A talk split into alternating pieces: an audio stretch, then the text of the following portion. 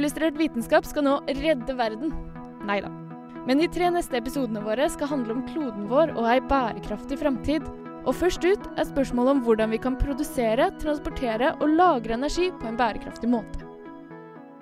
Hallo, hallo, hallo, og hjertelig velkommen til denne ukes sending av Uillustrert vitenskap. Mitt navn er Andreas Haugland, og med meg i studio i dag har jeg Andreas Riple. Hei, hei. Jeg har Kristine Pedersen. Hei, hei. Og jeg har Martin Eilertsen. Hallo. Lenge siden sist, må jeg si. Når hele noen uker. To. Ja, hva greia med etternavn, egentlig? Vi pleier aldri å si etternavn. Nei, ble du satt ut nå? Jeg, Jeg jeg foretrekker å holde meg anonym. Ja, nå vet skulle- alle hvem vi er. Hvordan Det, det går ikke. Jeg tenkte jeg skulle speise det opp litt, skjønner du. Ja. Biffe opp litt. Jeg var ting. ikke klar for det. Nei, gjør ikke det? Jeg skulle spurt først. Du skulle Ja. spurt først. Ok, kon- Consent er viktig. Uakseptabelt. Da, da hørte det her. Consent er viktig, ok. Nei, men nå skal vi faktisk begi oss i gang med nok en serie. Det er et halvt år siden sist serie vi hadde. Da snakker vi om jordas historie. Nå skal vi ta en liten eh, tur innom noe som er særdeles dagsaktuelt, eh, og det er litt på det å være bærekraftig, eller rett og slett ei bærekraftig framtid. Så skal vi ta en eh, kikk innom eh, ulike temaer som vi har eh, eh, må ta stilling til dersom vi skal klare ei bærekraftig framtid. Deriblant eh, kraftproduksjon og energi og eh, slike ting som det. Litt grann hva alternativene er våre for at vi skal kunne redusere ut, eh, utslipp, og ikke minst eh, konsum og ressursbevaring, rett og slett. Så det blir, jeg gleder meg veldig. Spennende å se hvordan de neste ukene kommer til å bli. Kommer til å bli veldig gøy. Hva vi får til å prate om, og hva vi skal diskutere og sånt. Men før vi begir oss ut på det aller første, så skal vi høre en liten låt. Og det er låten 'Ride' av Chain Wallet. Du får det her på Illustrert vitenskap på radio Revolt. Illustrert vitenskap er dritkule. Eh, Dere er det beste programmet ever. I love you guys. Hilsen super,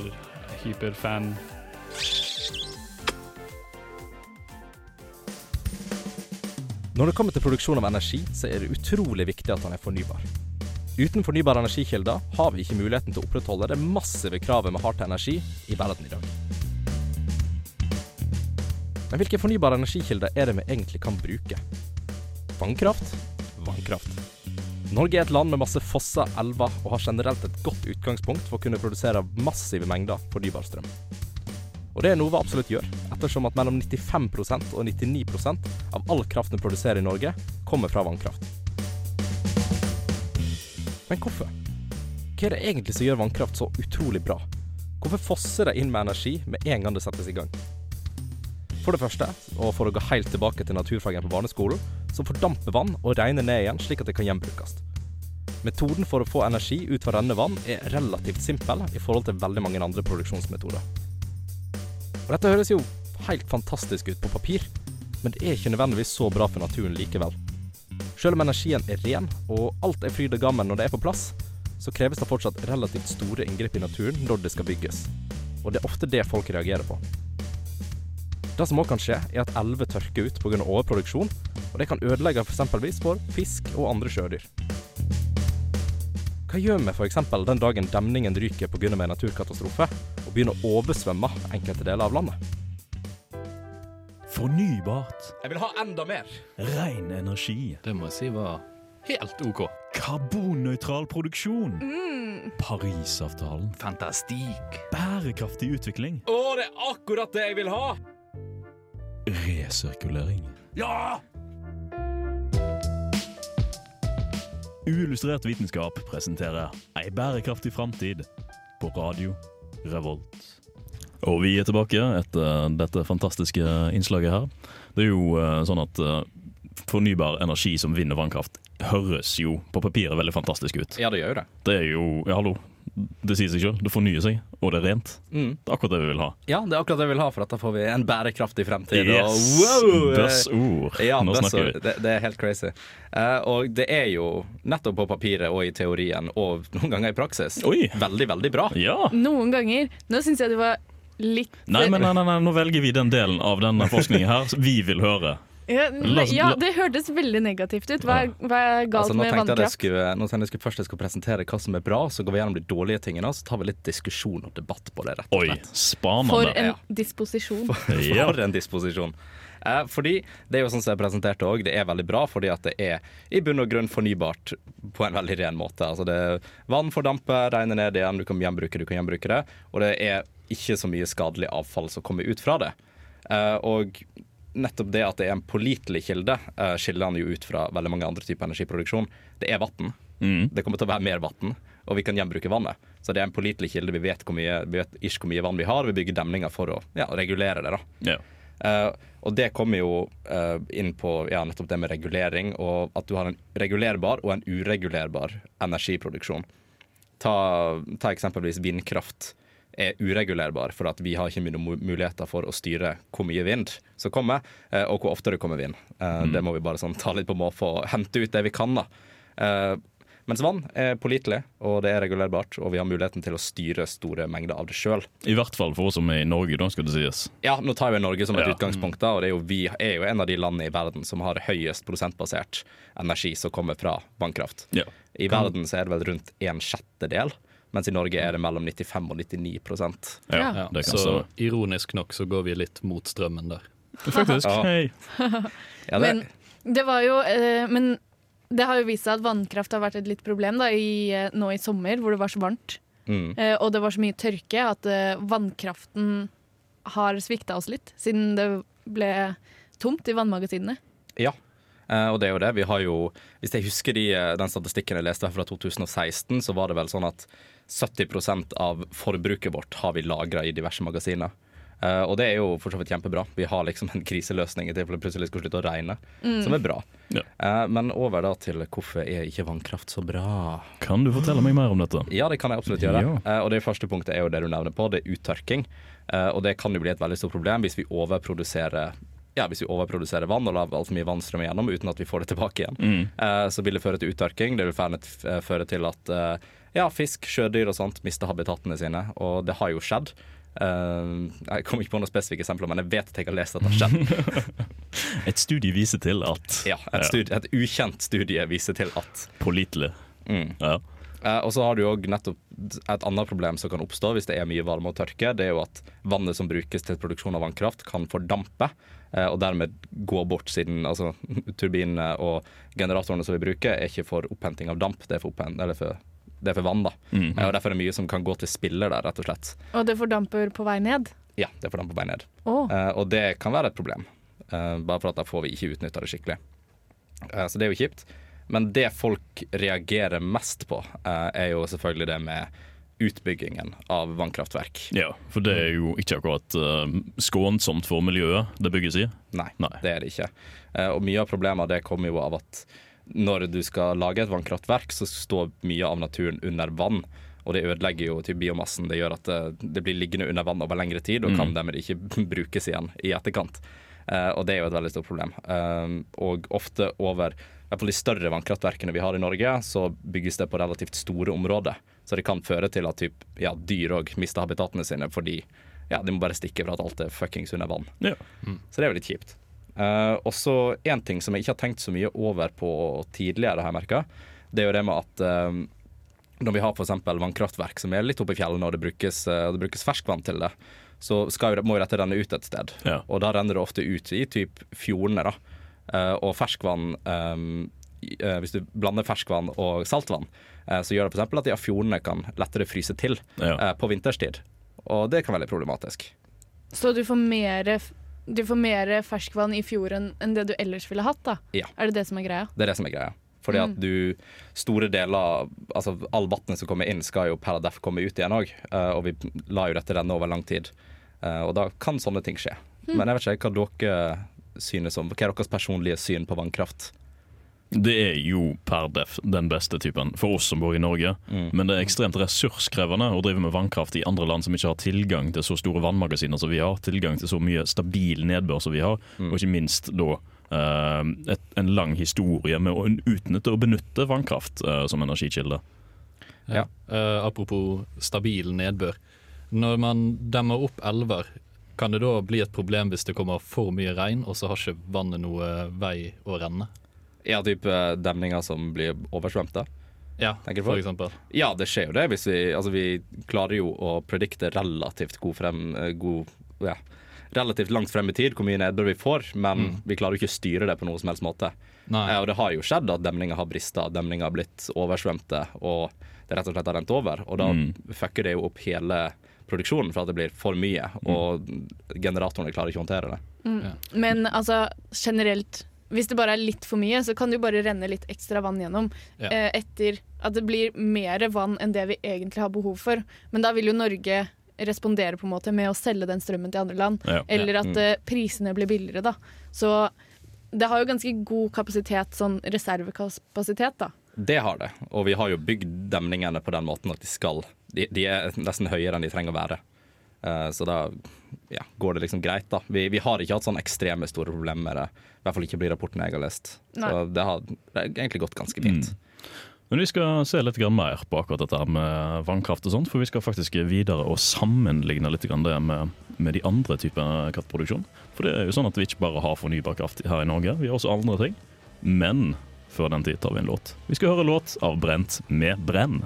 Du får det her på Radio Revolt. Hello, I'm Lynn Rothschild from NASA Ames Research Center, and this is Unillustrated Science. Vi har nå kommet til 2018, og det er over 30 år siden uttrykket bærekraftig utvikling dukket opp i Brundtlandsrapporten.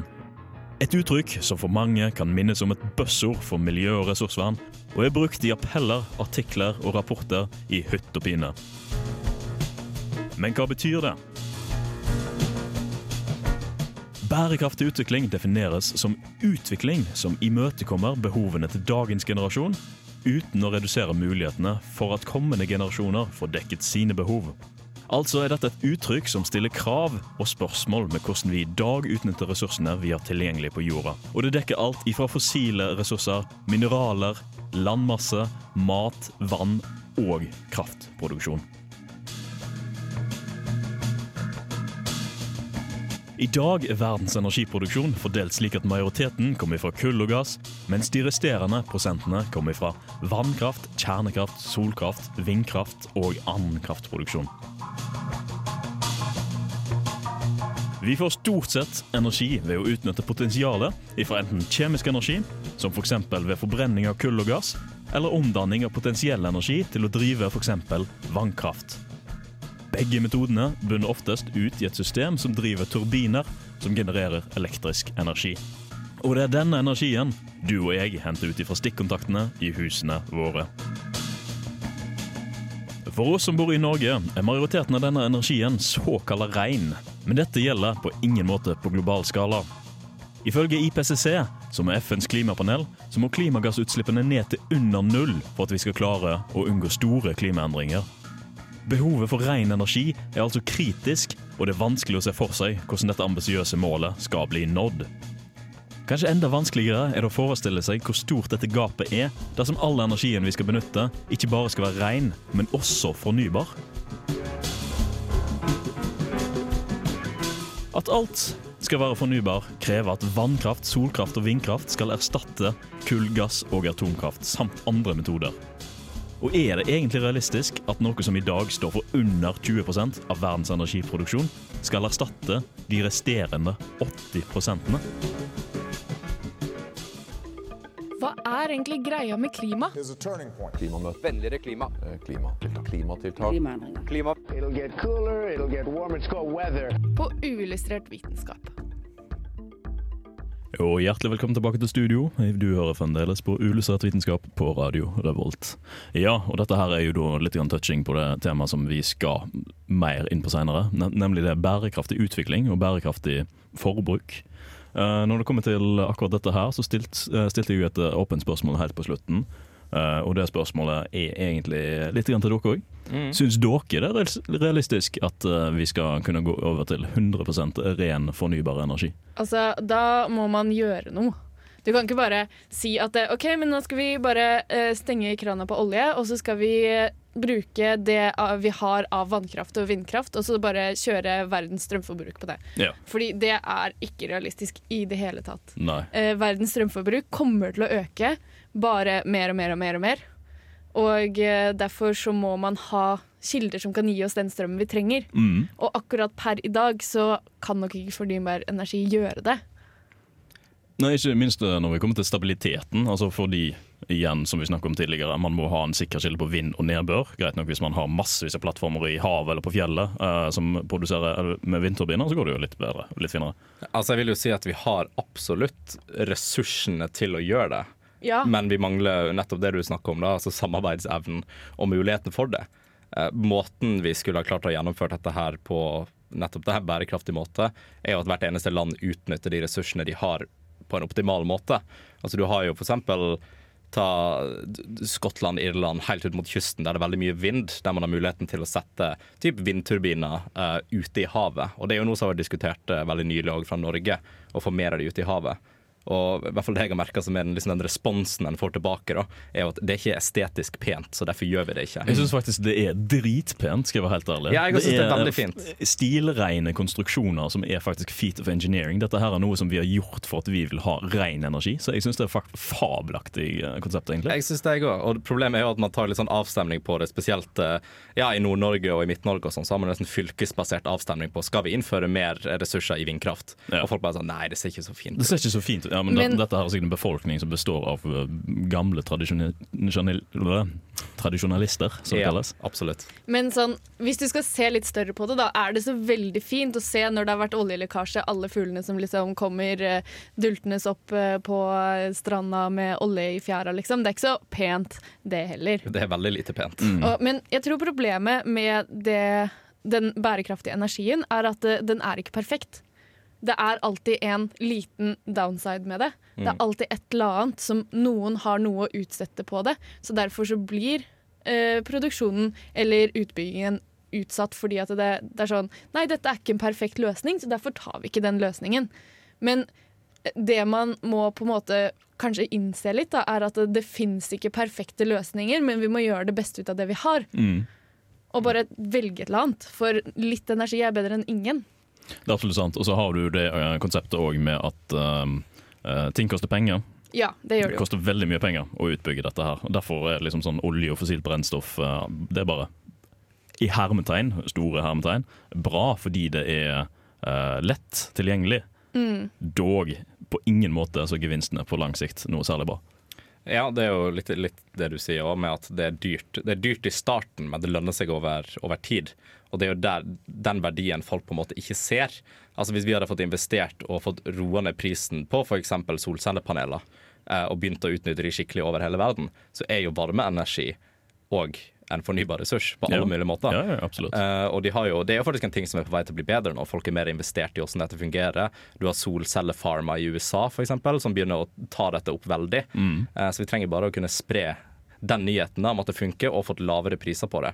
Ja. Da er det noe vi kunne brukt mer effektivt. Ja, absolutt. Eh, men du har jo da en ulempe, nå, som vi sikkert kommer litt mer inn på senere, med å bruke solkraft. Du kan jo kun produsere energi på dagen.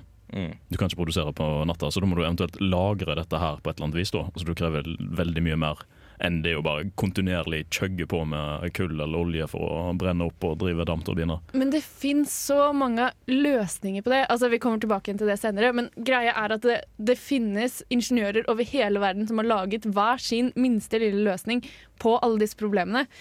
Men det, det blir fortsatt sett på som et problem, da. Og selvfølgelig er det et problem, men som jeg sa i stad, litt er bedre enn ingenting, kanskje. Litt er bedre enn ingenting. Og Ja. apropos det, hvor mye av eh, verdens energiproduksjon tror dere er nettopp eh, fornybar og rein? Da Sa ikke, vi, sa ikke du 20? da snakker vi Ja, det sa jeg jo for så vidt. Ok, En annen ting. Hvor mye er sol og vind? Og det er en veldig lav prosent. Jeg vil si 5 Noen andre gress? Jeg ville gått lav. Jeg sa 3% Det er 2,7 cirka. Ja, det var ganske Ja, okay. close. Jeg tar den. Det, så det er til. Men hva er, men hva er resten? Jeg kommer litt tilbake til Men det sier noe om hvor mye som faktisk må gjøres for at dette skal bli viable i stor skala. Eh, vannproduksjon derimot er jo ca. en eh, hva det, sjettedel. En sjettedel, ja. Ish. Bortimot det. Eh, derimot så står kull og gass for til sammen litt over 60% Vann som sagt på rundt 16 Annet for 7,4 Og kjernekraft står for 10 10-11 cirka. Mm. Eh, som igjen da kommer litt inn på Hvilke omtaler har dere hørt om disse forskjellige eh, måtene å produsere energi på i det siste i mediene? Altså, Har dere hørt positive omtaler om ting? Har dere hørt krisetenking om ting? Altså, det vil jo alltid, det kommer, vet vi at vi kommer tilbake litt senere om, i hvert fall det med liksom kjernekraftverk eh, er jo masse, masse, masse skepsis til. Det er jo kun negativt i Det er mediene. omtrent kun negativt, i hvert fall. Du har jo de som, som praiser det og syns det er fantastisk. eh, som jeg personlig syns er en bra ting. Ja. Men folk tingene Folk problematiserer ting uten å komme med en forbedring på det. Det er det som er litt problemet. Vi stoler altfor mye på kull og, kull og gassproduksjon. Og det Når det allerede finnes en løsning, og folk ikke tenker på konsekvensen av det, så vil vi jo aldri slutte å bruke det. Ja. Mm. og akkurat dette her med pros and cons, spesielt med kjernekraft. Jeg eh, må si meg selv jeg er veldig biased for dette her, for kjernekraft. eh, fordi eh, nettopp man vel, eller kan se over den mediedekningen da, som, kommer, som stort sett kommer med assosiasjoner med frykt og eh, kjipe situasjoner. Tsjernobyl, Fukushima. Bare dritt. Ingenting bra i det hele tatt.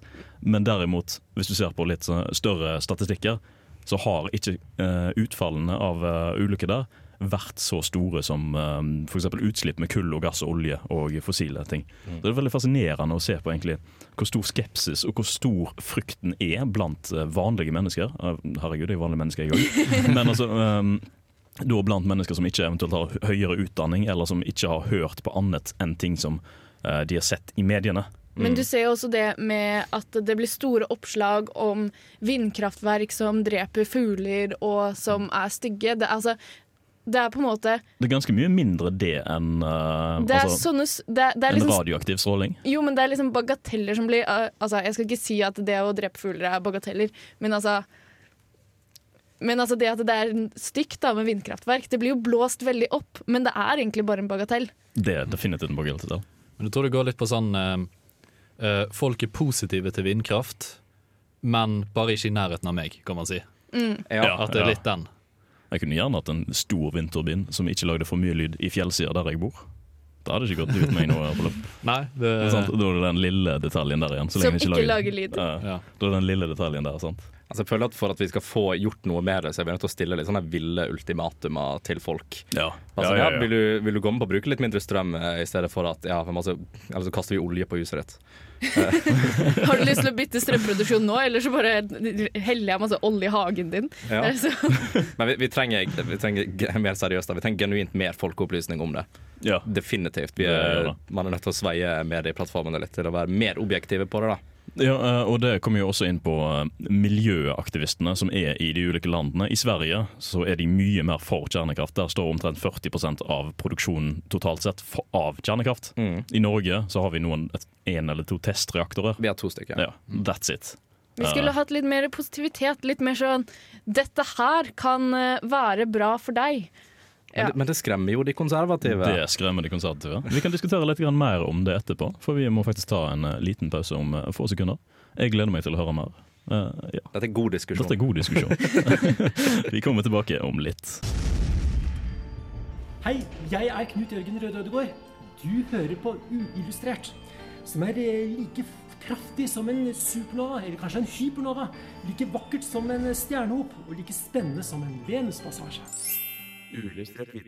Og vi er tilbake og klar for å diskutere mer om dette, for jeg føler meg ikke ferdig i det hele tatt. Nå skal det diskuteres. Nå skal det diskuteres. Jeg, jeg har et spørsmål. Kom, eh, vannkraft i Norge, Ja. er det nok, eller er det nødvendig med mer kraftproduksjon? I Norge, det er jeg litt grann usikker på, um, men vi kunne nok klart oss veldig bra på det. Spesielt dersom vi hadde redusert uh, energiforbruket vårt. Fordi Ja. nordmenn er ikke akkurat de snilleste i verden på kilowattime per person. Å nei. Det Men sa du ikke 99% eller noe sånt i Jo, stad? mellom 95 og 99% av Norge er jo vannkraft. Ja. Så det er jo nesten, det er nesten alt Det, er, det er nesten alt. Ja. Men vi har jo en enorm gass- og oljeproduksjon. Mm. Men mye av det selger vi jo til utlandet, så vi ikke bruker sjøl, for at vi er så miljøbevisste her i Norge. Ja, ja. Og det er jo mye, mye av problemet. Og hvis jeg husker tallene rett, så produserer vel vi rundt 130 et eller annet terawatt med energi direkte fra vannkrafta. Mm. Det er ganske mange timer. Det er veldig mange timer, og det er over typ det er ikke ja, 200 ganger mer enn det vi klarer å produsere av vind i samme tidsrom. Ja, sant. Eh, litt igjen, utbyggingen har veldig mye å si på akkurat dette her. Det har det. Uh, utrolig fascinerende å se. Men uh, dere som er veldig belærte mennesker, liker jeg å tro, i hvert fall. Uh, jeg, har, jeg har noen spørsmål til dere som jeg har lyst til å større sånn for å få en meningsmåling, egentlig. For det er òg litt sånn um, ja, interessant å se. Uh, og så ikke minst hvor langt man har fulgt med på dette, disse tingene. På studiene som kommer ut og sånt. Kan man svare anonymt? Uh, ja, det kan du gjøre. Men, Nei, du kan ikke det, for han sa etternavnet vårt tidligere. Ah. Uh, men første spørsmål er jo da uh, hvilken måte er best og verst eh, på CO2-utslipp per produsert kilowattime strøm? Eh, alternativene er gass, kull, solkraft, vannkraft, atomkraft, vindkraft og biomasse. Oh. Ja, så det blir i produksjon med, med utbygging. Nei, jeg tenker da På, ren, på eh, ren kraft på produser, per produsert kilowattime per med strøm. Altså, da er jo, altså per strøm, altså etter utbygging. da er jo kull, gass og olje og biomasse høyest, da. Sannsynligvis. Sannsynligvis. jeg vil, Ja. jeg vil tippe at vind har den laveste Ja. Ja. per, per def, men jeg er enig i det med olje og kull eh, på absolutt en høyde. Jeg tror det vil være vind på bunn, og deretter atomkraft. Og så vil jeg anta solkraft, fordi det, man må jo produsere solcellepanelene. ja. Og, Men det var jo ikke produksjon da? Nei, det er ikke med produksjon. og det er ikke med produksjon. OK. Da, da vil jeg, jeg ville faktisk satt solkraft solkraft under kjernekraft igjen. Ja, kanskje. Ja. Mm. Det er veldig, altså Skalaen går riktig vei. Det er atomkraft nederst eh, med de tre, de, jo, de tre fornybare. Og så er det kull og gass på toppen, og biomasse deretter. Men hva er det som produserer CO2 i vindkraft, for eksempel, da? Eh, Hva er det som lager CO2 da? Da går det nok sikkert på utbygging, tipper jeg. Kan hende jeg har formidla en liten feil. Det går Ja. sikkert på utbygging. Ja. Jo, men jeg vil jo tippe at det at, altså det at du tar uh, liksom, For det er, jo, det er jo en turbin, det òg. Mm. og det at liksom, når energien går fra turbinen og skal videreproduseres til liksom, lagring og videreformidling, at det er der CO2-utslippene kommer, men ikke direkte fra selve produksjonen. Nei, ikke at uh, den tingen, Nei. eller vinden, treffer Det er ikke sånn at, det er ikke sånn at når, du, når du spinner den fort nok, så blir det CO2 ut. Nei. Men så handler det sikkert litt om hvor mye den klarer å produsere. Skal vi si, altså en solcelle, Et solcellepanel har jo ikke enormt høy effektivitet. Og det samme kan vel gjelde en vindturbin, Mm. fordi den skal jo faktisk drive rundt en svær turbin. Ja, det er ganske store Eh, blader du snakker om. Ja. Mm.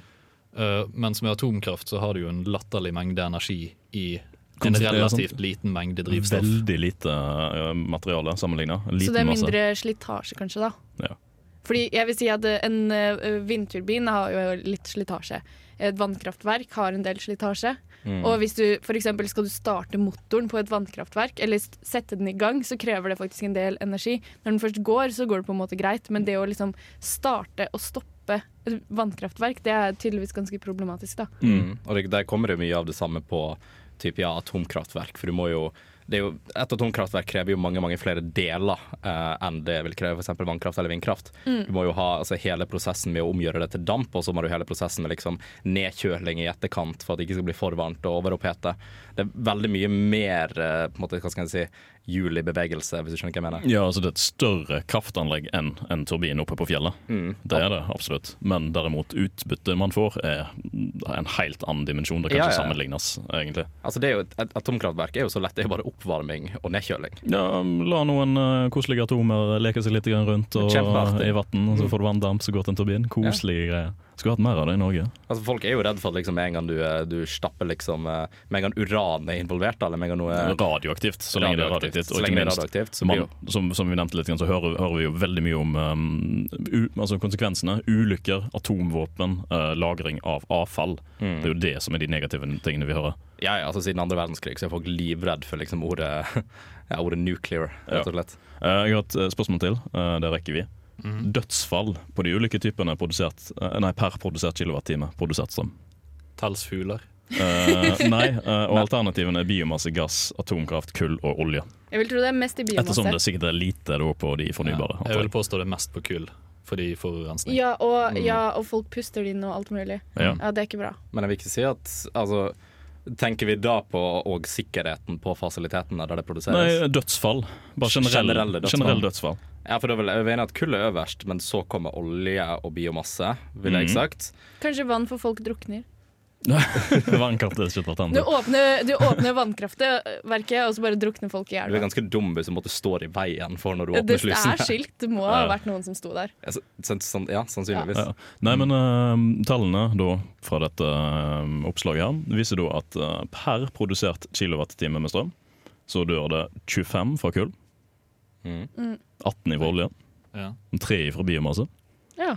0,07 fra atomkraft. Så noen bare var litt over halvdau?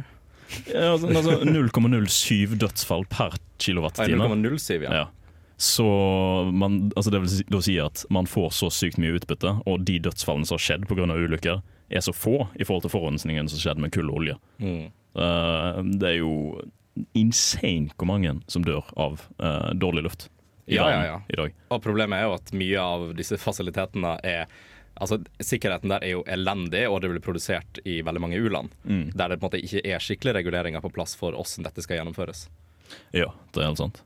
Vi tar faktisk eh, en liten uh, pause der, og så skal vi fortsette videre med Mr. Martin. For da skal Yes. vi snakke litt grann om uh, transport av energi. Ja. Det er jo veldig viktig. Vi skal jo ha strømmen til husene våre også, ikke bare på kraftverkene. Oh, ja. Tyngdekraften. Å ja, han har jeg hørt om. Galileo Galilei. Det er jo for godt til å være sant. Lars Monsen. Dette setter jeg pris på, ass. Tycho Brahe. Mm. Ah. krass fysikk. Og vi er tilbake, og vi er klar for å prate mer. ja. For jeg har vært litt lat i dag, så det blir ikke noe eh, opptak av meg. Bortsett fra dette opptaket. Dette er et opptak, strengt Dette er et tatt. opptak. Ja. Eller er det det? Men det blir Det er ikke ikke- opptak av et opptak, sånn som det pleier å være. Akkurat. Ja. Ja. Ja. Uansett. Det er i sanntid. Ja. Eh, fordi jeg så jo litt på eh, transport av energi. Og jeg tenkte jo at det blir kanskje litt kjedelig å bare snakke om at eh, ledninger består av aluminium, for det meste sånn høyspentledninger, og Mm. de har jern inni seg for at de skal være mer sånn strukturelt stabile. Og alt det der. Spennende. Ja, ja, ja. Ja. Og høyspenning er alt over 24 kilovolt. Det er ganske mye. Og fortell meg mer om disse tekniske tekniske ja. detaljene. Nei, så det, det jeg begynte å se på, da, det var jo det Kanskje vi skal snakke om ting som er litt sånn eh, aktuelt i dagens eh, samfunn. Ja. Fordi vi er jo ikke de eneste i verden med strømnett. Nei. Aha. Det er mange andre som har strømnett òg, Dette tror jeg ikke på, Martin. Fortell mer. De andre landene er også smarte. Ja, Nei. Og, og tro, det, tro det eller ei, men vi har faktisk koblet noen av de sammen. ja. Blant annet, vi har jo synkronisert uh, våre strømnett med Sverige, Finland og Island sitt. Mm. Med Og- Island også. Havkabler, da. Ja, en sånn sikkert. lang, lang lang mast Ja, ja, ja. på havet. Over havet. En monstermast. Å nei. ikke begynn med monstermast-diskusjonen. Altså. For selv om strøm er usynlig, så er i hvert fall ikke mastene det. Nei. Eller så hadde monstermastdebatten hevet en del øyenbryn. Nei, for vi er jo koblet til Danmark og Tyskland. Ja. Og det har vært snakk om kanskje vi skal utvide dette her.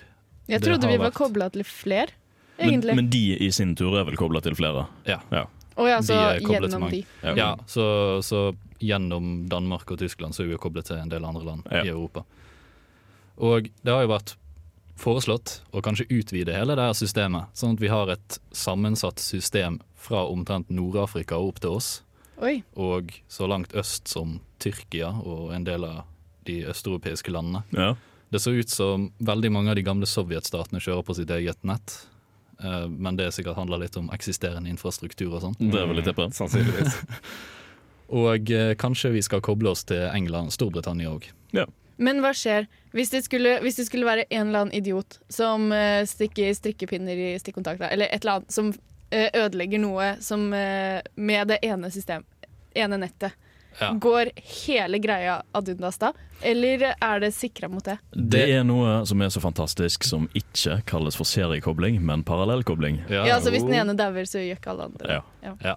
Ellers så hadde vi jo slått ut hele strømnettet i Sverige og Finland. Det hadde vært som et, eh, en eh, lyskjede du har på juletreet. Der. Dersom én pære går, så går alle sammen. Ja. Av de gamle typene, i hvert fall. Ja, Så de gjør ikke det, de gjør ikke det da. Nei. Nei. Nei, for jeg var jo litt stille under den eh, når vi snakket nå om fornybar energi, fordi jeg kan ikke si alt det jeg skulle si nå. fordi litt av moralen bak dette her, det med å ha et stort strømnett, er jo det. Det er alltid sol et eller annet sted, og det blåser alltid et annet sted. Så Da Så kan man dele på Ja. ressursene! Ja, og da kan man tilpasse nettet til at man skal få bruk, brukt så mye fornybar energi som Mm. overhodet mulig. Og det var lurt, da. Men Vil ikke dette skape diskusjon med tanke på at uh, enkelte land og nasjoner har større utgangspunkt for å produsere fornybar energi? Uh, jo, det vil jo sikkert det.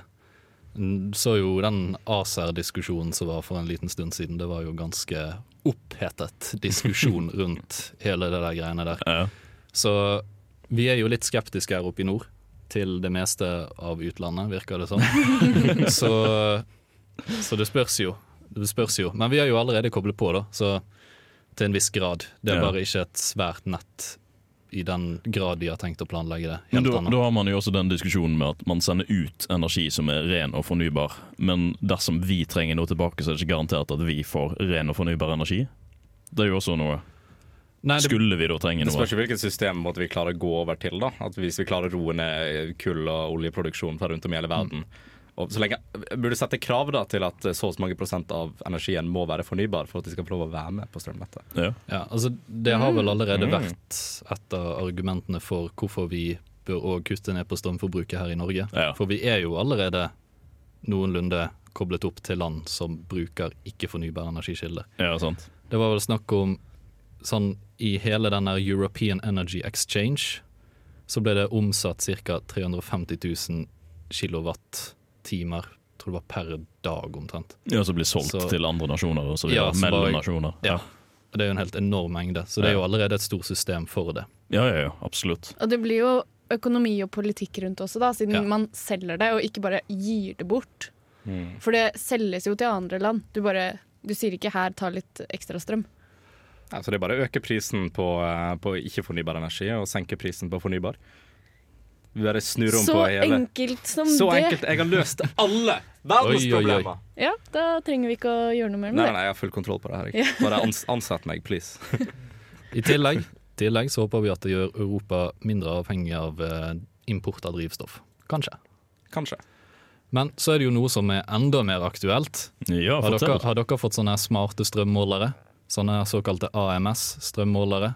Avanserte måle- og styringssystem, som det står for. Nå, altså, Jeg er ikke voksen nok til å betale for strømmen min. Strømmålingen hos oss foregår vel ved at vi går ut og leser, og så sender vi det inn. Så den er jo smart i den forstand at det er en person som går og gjør det, men Ja, nei, da, da, da er den ikke smart. Nei, problemet vårt er at lås, låsen på, den skap, på det skapet er vanskelig, så det er ikke alltid vi får lest av. Så det krever en veldig smart person for å åpne, Ja, ja, ja. person for å åpne døra. Ja, ja, herregud. Men med mindre dere har søkt om det, så skal jo dere få det innen 2019, Ja. har jeg hørt. Gleder meg. Det blir Ja, ja. Så da slipper dag. dere de her eh, SMS-ene hele tiden og lese på den. Jeg kan huske Etter en sommerferie så hadde jeg faktisk brukt negativ mengde energi fordi måling de bare overkompenserte på Ja. målingene sine. Ja.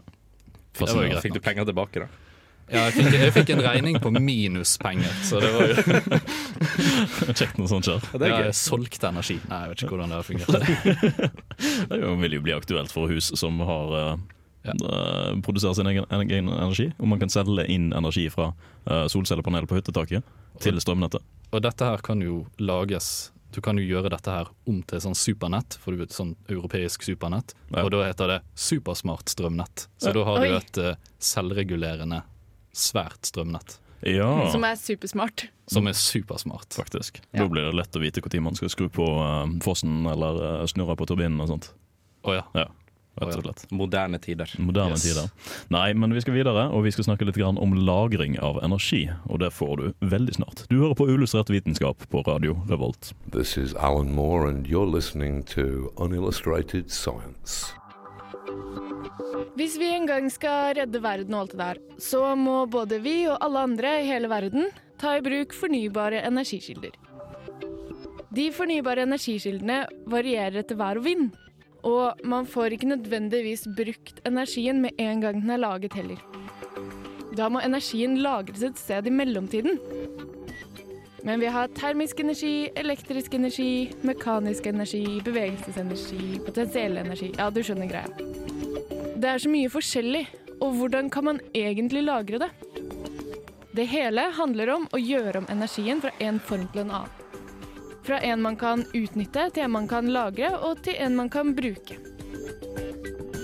Og den energien man bruker, er nå til dags oftest elektrisk energi. Å lagre elektrisk energi direkte, det er ganske vanskelig. Så derfor så må vi gjøre det om til en annen form hvis vi skal lagre den. Og det finnes en million ulike måter å lagre energi på. F.eks. kan det lagres som mekanisk energi i vannmagasiner som lagrer potensielle energien i vann. Og det kan også gjøres med luft, at når du har energioverskudd, så komprimerer du luften. Og når du har energiunderskudd, så slipper du den ut og lager strøm av det. Energi kan også lagres som varmeenergi, der man lagrer energien i noe som er varmt, og noe som har en god evne til å holde på varmen. Sånn som f.eks. vann, eller det brukes også noen salter. Ting kan også lagres som kjemisk energi, f.eks. i batterier. Men ingen av disse metodene er perfekte. Det går alltid noe energi tapt til omgivelsene, og det er nok derfor det er så mange alternativer også. Hvor mye energi som går tapt til omgivelsene, avhenger av hva slags form energien kommer fra, hvor den omgjøres til, og hvor effektiv den metoden er. De aller fleste metodene er dessverre ganske ineffektive, og det er enten dyrt eller upraktisk. Så da er det kanskje ikke så rart da, at det vanligste er å bruke batterier, som er relativt billig å produsere, og som kan holde ganske mye energi per eh, størrelse. Selv om batterier ikke er feilfrie, de heller. Rennende vann. Vind gjennom lufta. Spalting av uran-235 som frigjør energi og omgjør det til damp som driver turbiner. Uillustrert vitenskap. Ei bærekraftig framtid. Det er sant. Klarer vi kanskje å skape en bærekraftig framtid etter dette her? Jeg føler liksom at jeg kanskje biaser den litt med å ha en eksplosjon på slutten av atomkraft, men uh, dårlig stemning, dårlig stemning. Dårlig stemning. Uh, nei, vi håper jo at uh, dette her kan behjelpe litt til folkeopplysning, rett og slett. Samfunnsopplysning. Vi gjør vår plikt Ja. som et mediehus. Del oss videre og fortell det til alle vennene dine. Ja. Mm. Jeg foreslår at sendingene våre eh, drives av at vi sykler. Ja, Vi vi sitter alle på ergometersykler, og så kjører vi strøm i, strømmen i hele Vi bygget. Vi powerer hele bygget, hele studio, alle serverne. Hvis en av dere slakker nå, så går vi av lufta. Altså, jeg, har trening, jeg, har og, jeg har satt og sveiva gjennom hele sendinga. Jeg vet ikke hva dere har gjort. Men vi har jo snakke, skal jo snakke nå om lagring av energi, for det er jo faktisk et veldig viktig um, konsept med hele kraftproduksjonsprosessen. Mm. Det skal jo være et sted. Det kan ikke bare ligge i ro i kablene eller ligge på fabrikken til noen trenger det. Nei, det fikk jeg forklart i går. Ja. Eh, hvis du, du kan ikke lagre strøm i en eh, ledning, fordi at eh, da mister du definisjonen på strøm. Eh, og da har du ikke strøm lenger. Nei. Ja, akkurat. Tusen Eh, takk for oss. Nei, men det fins så mange løsninger. Jeg ble helt satt ut da jeg skulle lese om dette her. Fordi det finnes Altså, har du et problem, så finnes det en løsning på det. Eksempel det at solkraft eh, har mest produksjon om natta, og hvis du trenger strøm om Nei, om dagen. Og hvis du trenger strøm om natta, så kan du få det òg, fordi at eh, du lager energien på, i mellomtiden. Og det er sånn Alle disse lagringsmetodene, jeg tror de er veldig De er helt kriseineffektive. Men du får lagret litt energi, i hvert fall. Den går ikke tapt. Og det er sånn jeg klarer å holde meg positiv til det hele. At det, all energien går ikke tapt. Mm. Eh, Så derfor er det vits å gjøre det. Sånn som for eksempel at eh, eh, hvis eh, du har et, eh, en bygning som eh, har eh, som eh, har solkraft, og den trenger å kjøles ned.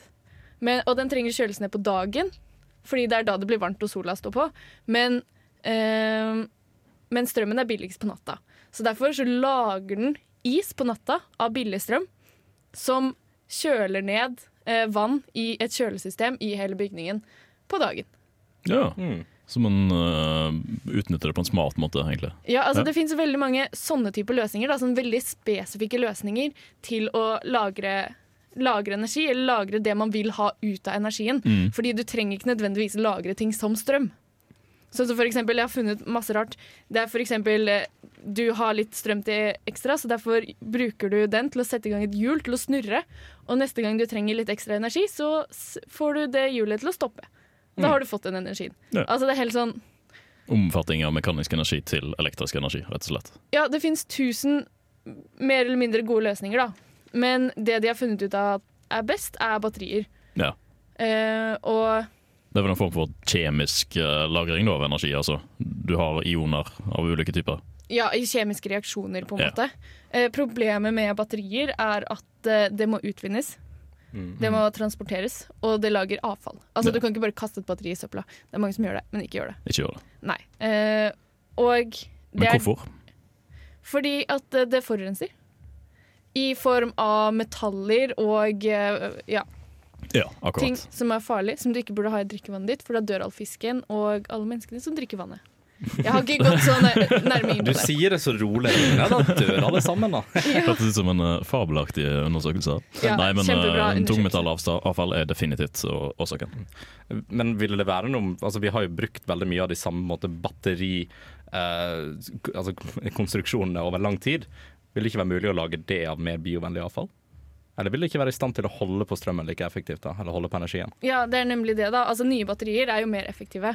Mm. Og også mindre forurensende, fordi man har brukt veldig mye penger på å forske på hvordan man kan lage batterier som en bra løsning. Fordi at Problemet med veldig mange sånne energilagringssystemer er at de kan holde på veldig lite energi på veldig stort areal. Mm. Eh, mens batterier kan holde på veldig mye energi på veldig lite areal. Og eh, sånn som for eksempel det og hydrogen, f.eks. Det å gjøre elektrolyse av hydrogen og så brenne det for å få energi etterpå, det har vist seg å være de to egentlig enkleste metodene å lagre energi på. Eh, sånn sett at man har kunnet bruke det i biler og sånn også, da. Ja. For hvis du skal slutte med fossil brennstoff, så må du jo finne noe annet å dra bilene dine i gang med. Mm. Og du kan ikke dra bilen din i gang med øh, vindkraftverk, liksom. Altså, Du kan ikke ha seilbil, sorry. Men, eh, og da Og da har eh, Men det med batterier også Altså, jeg har vært veldig negativ til batterier. Ja, Jeg tenkte sånn, dette, dette er dårlig, og det forurenser veldig mye, og det varer ikke så lenge, og så må du lagre det, og det er kjempemye CO2-utslipp i produksjonen. Men det har vist seg at de siste årene så har det forbedret seg veldig mye.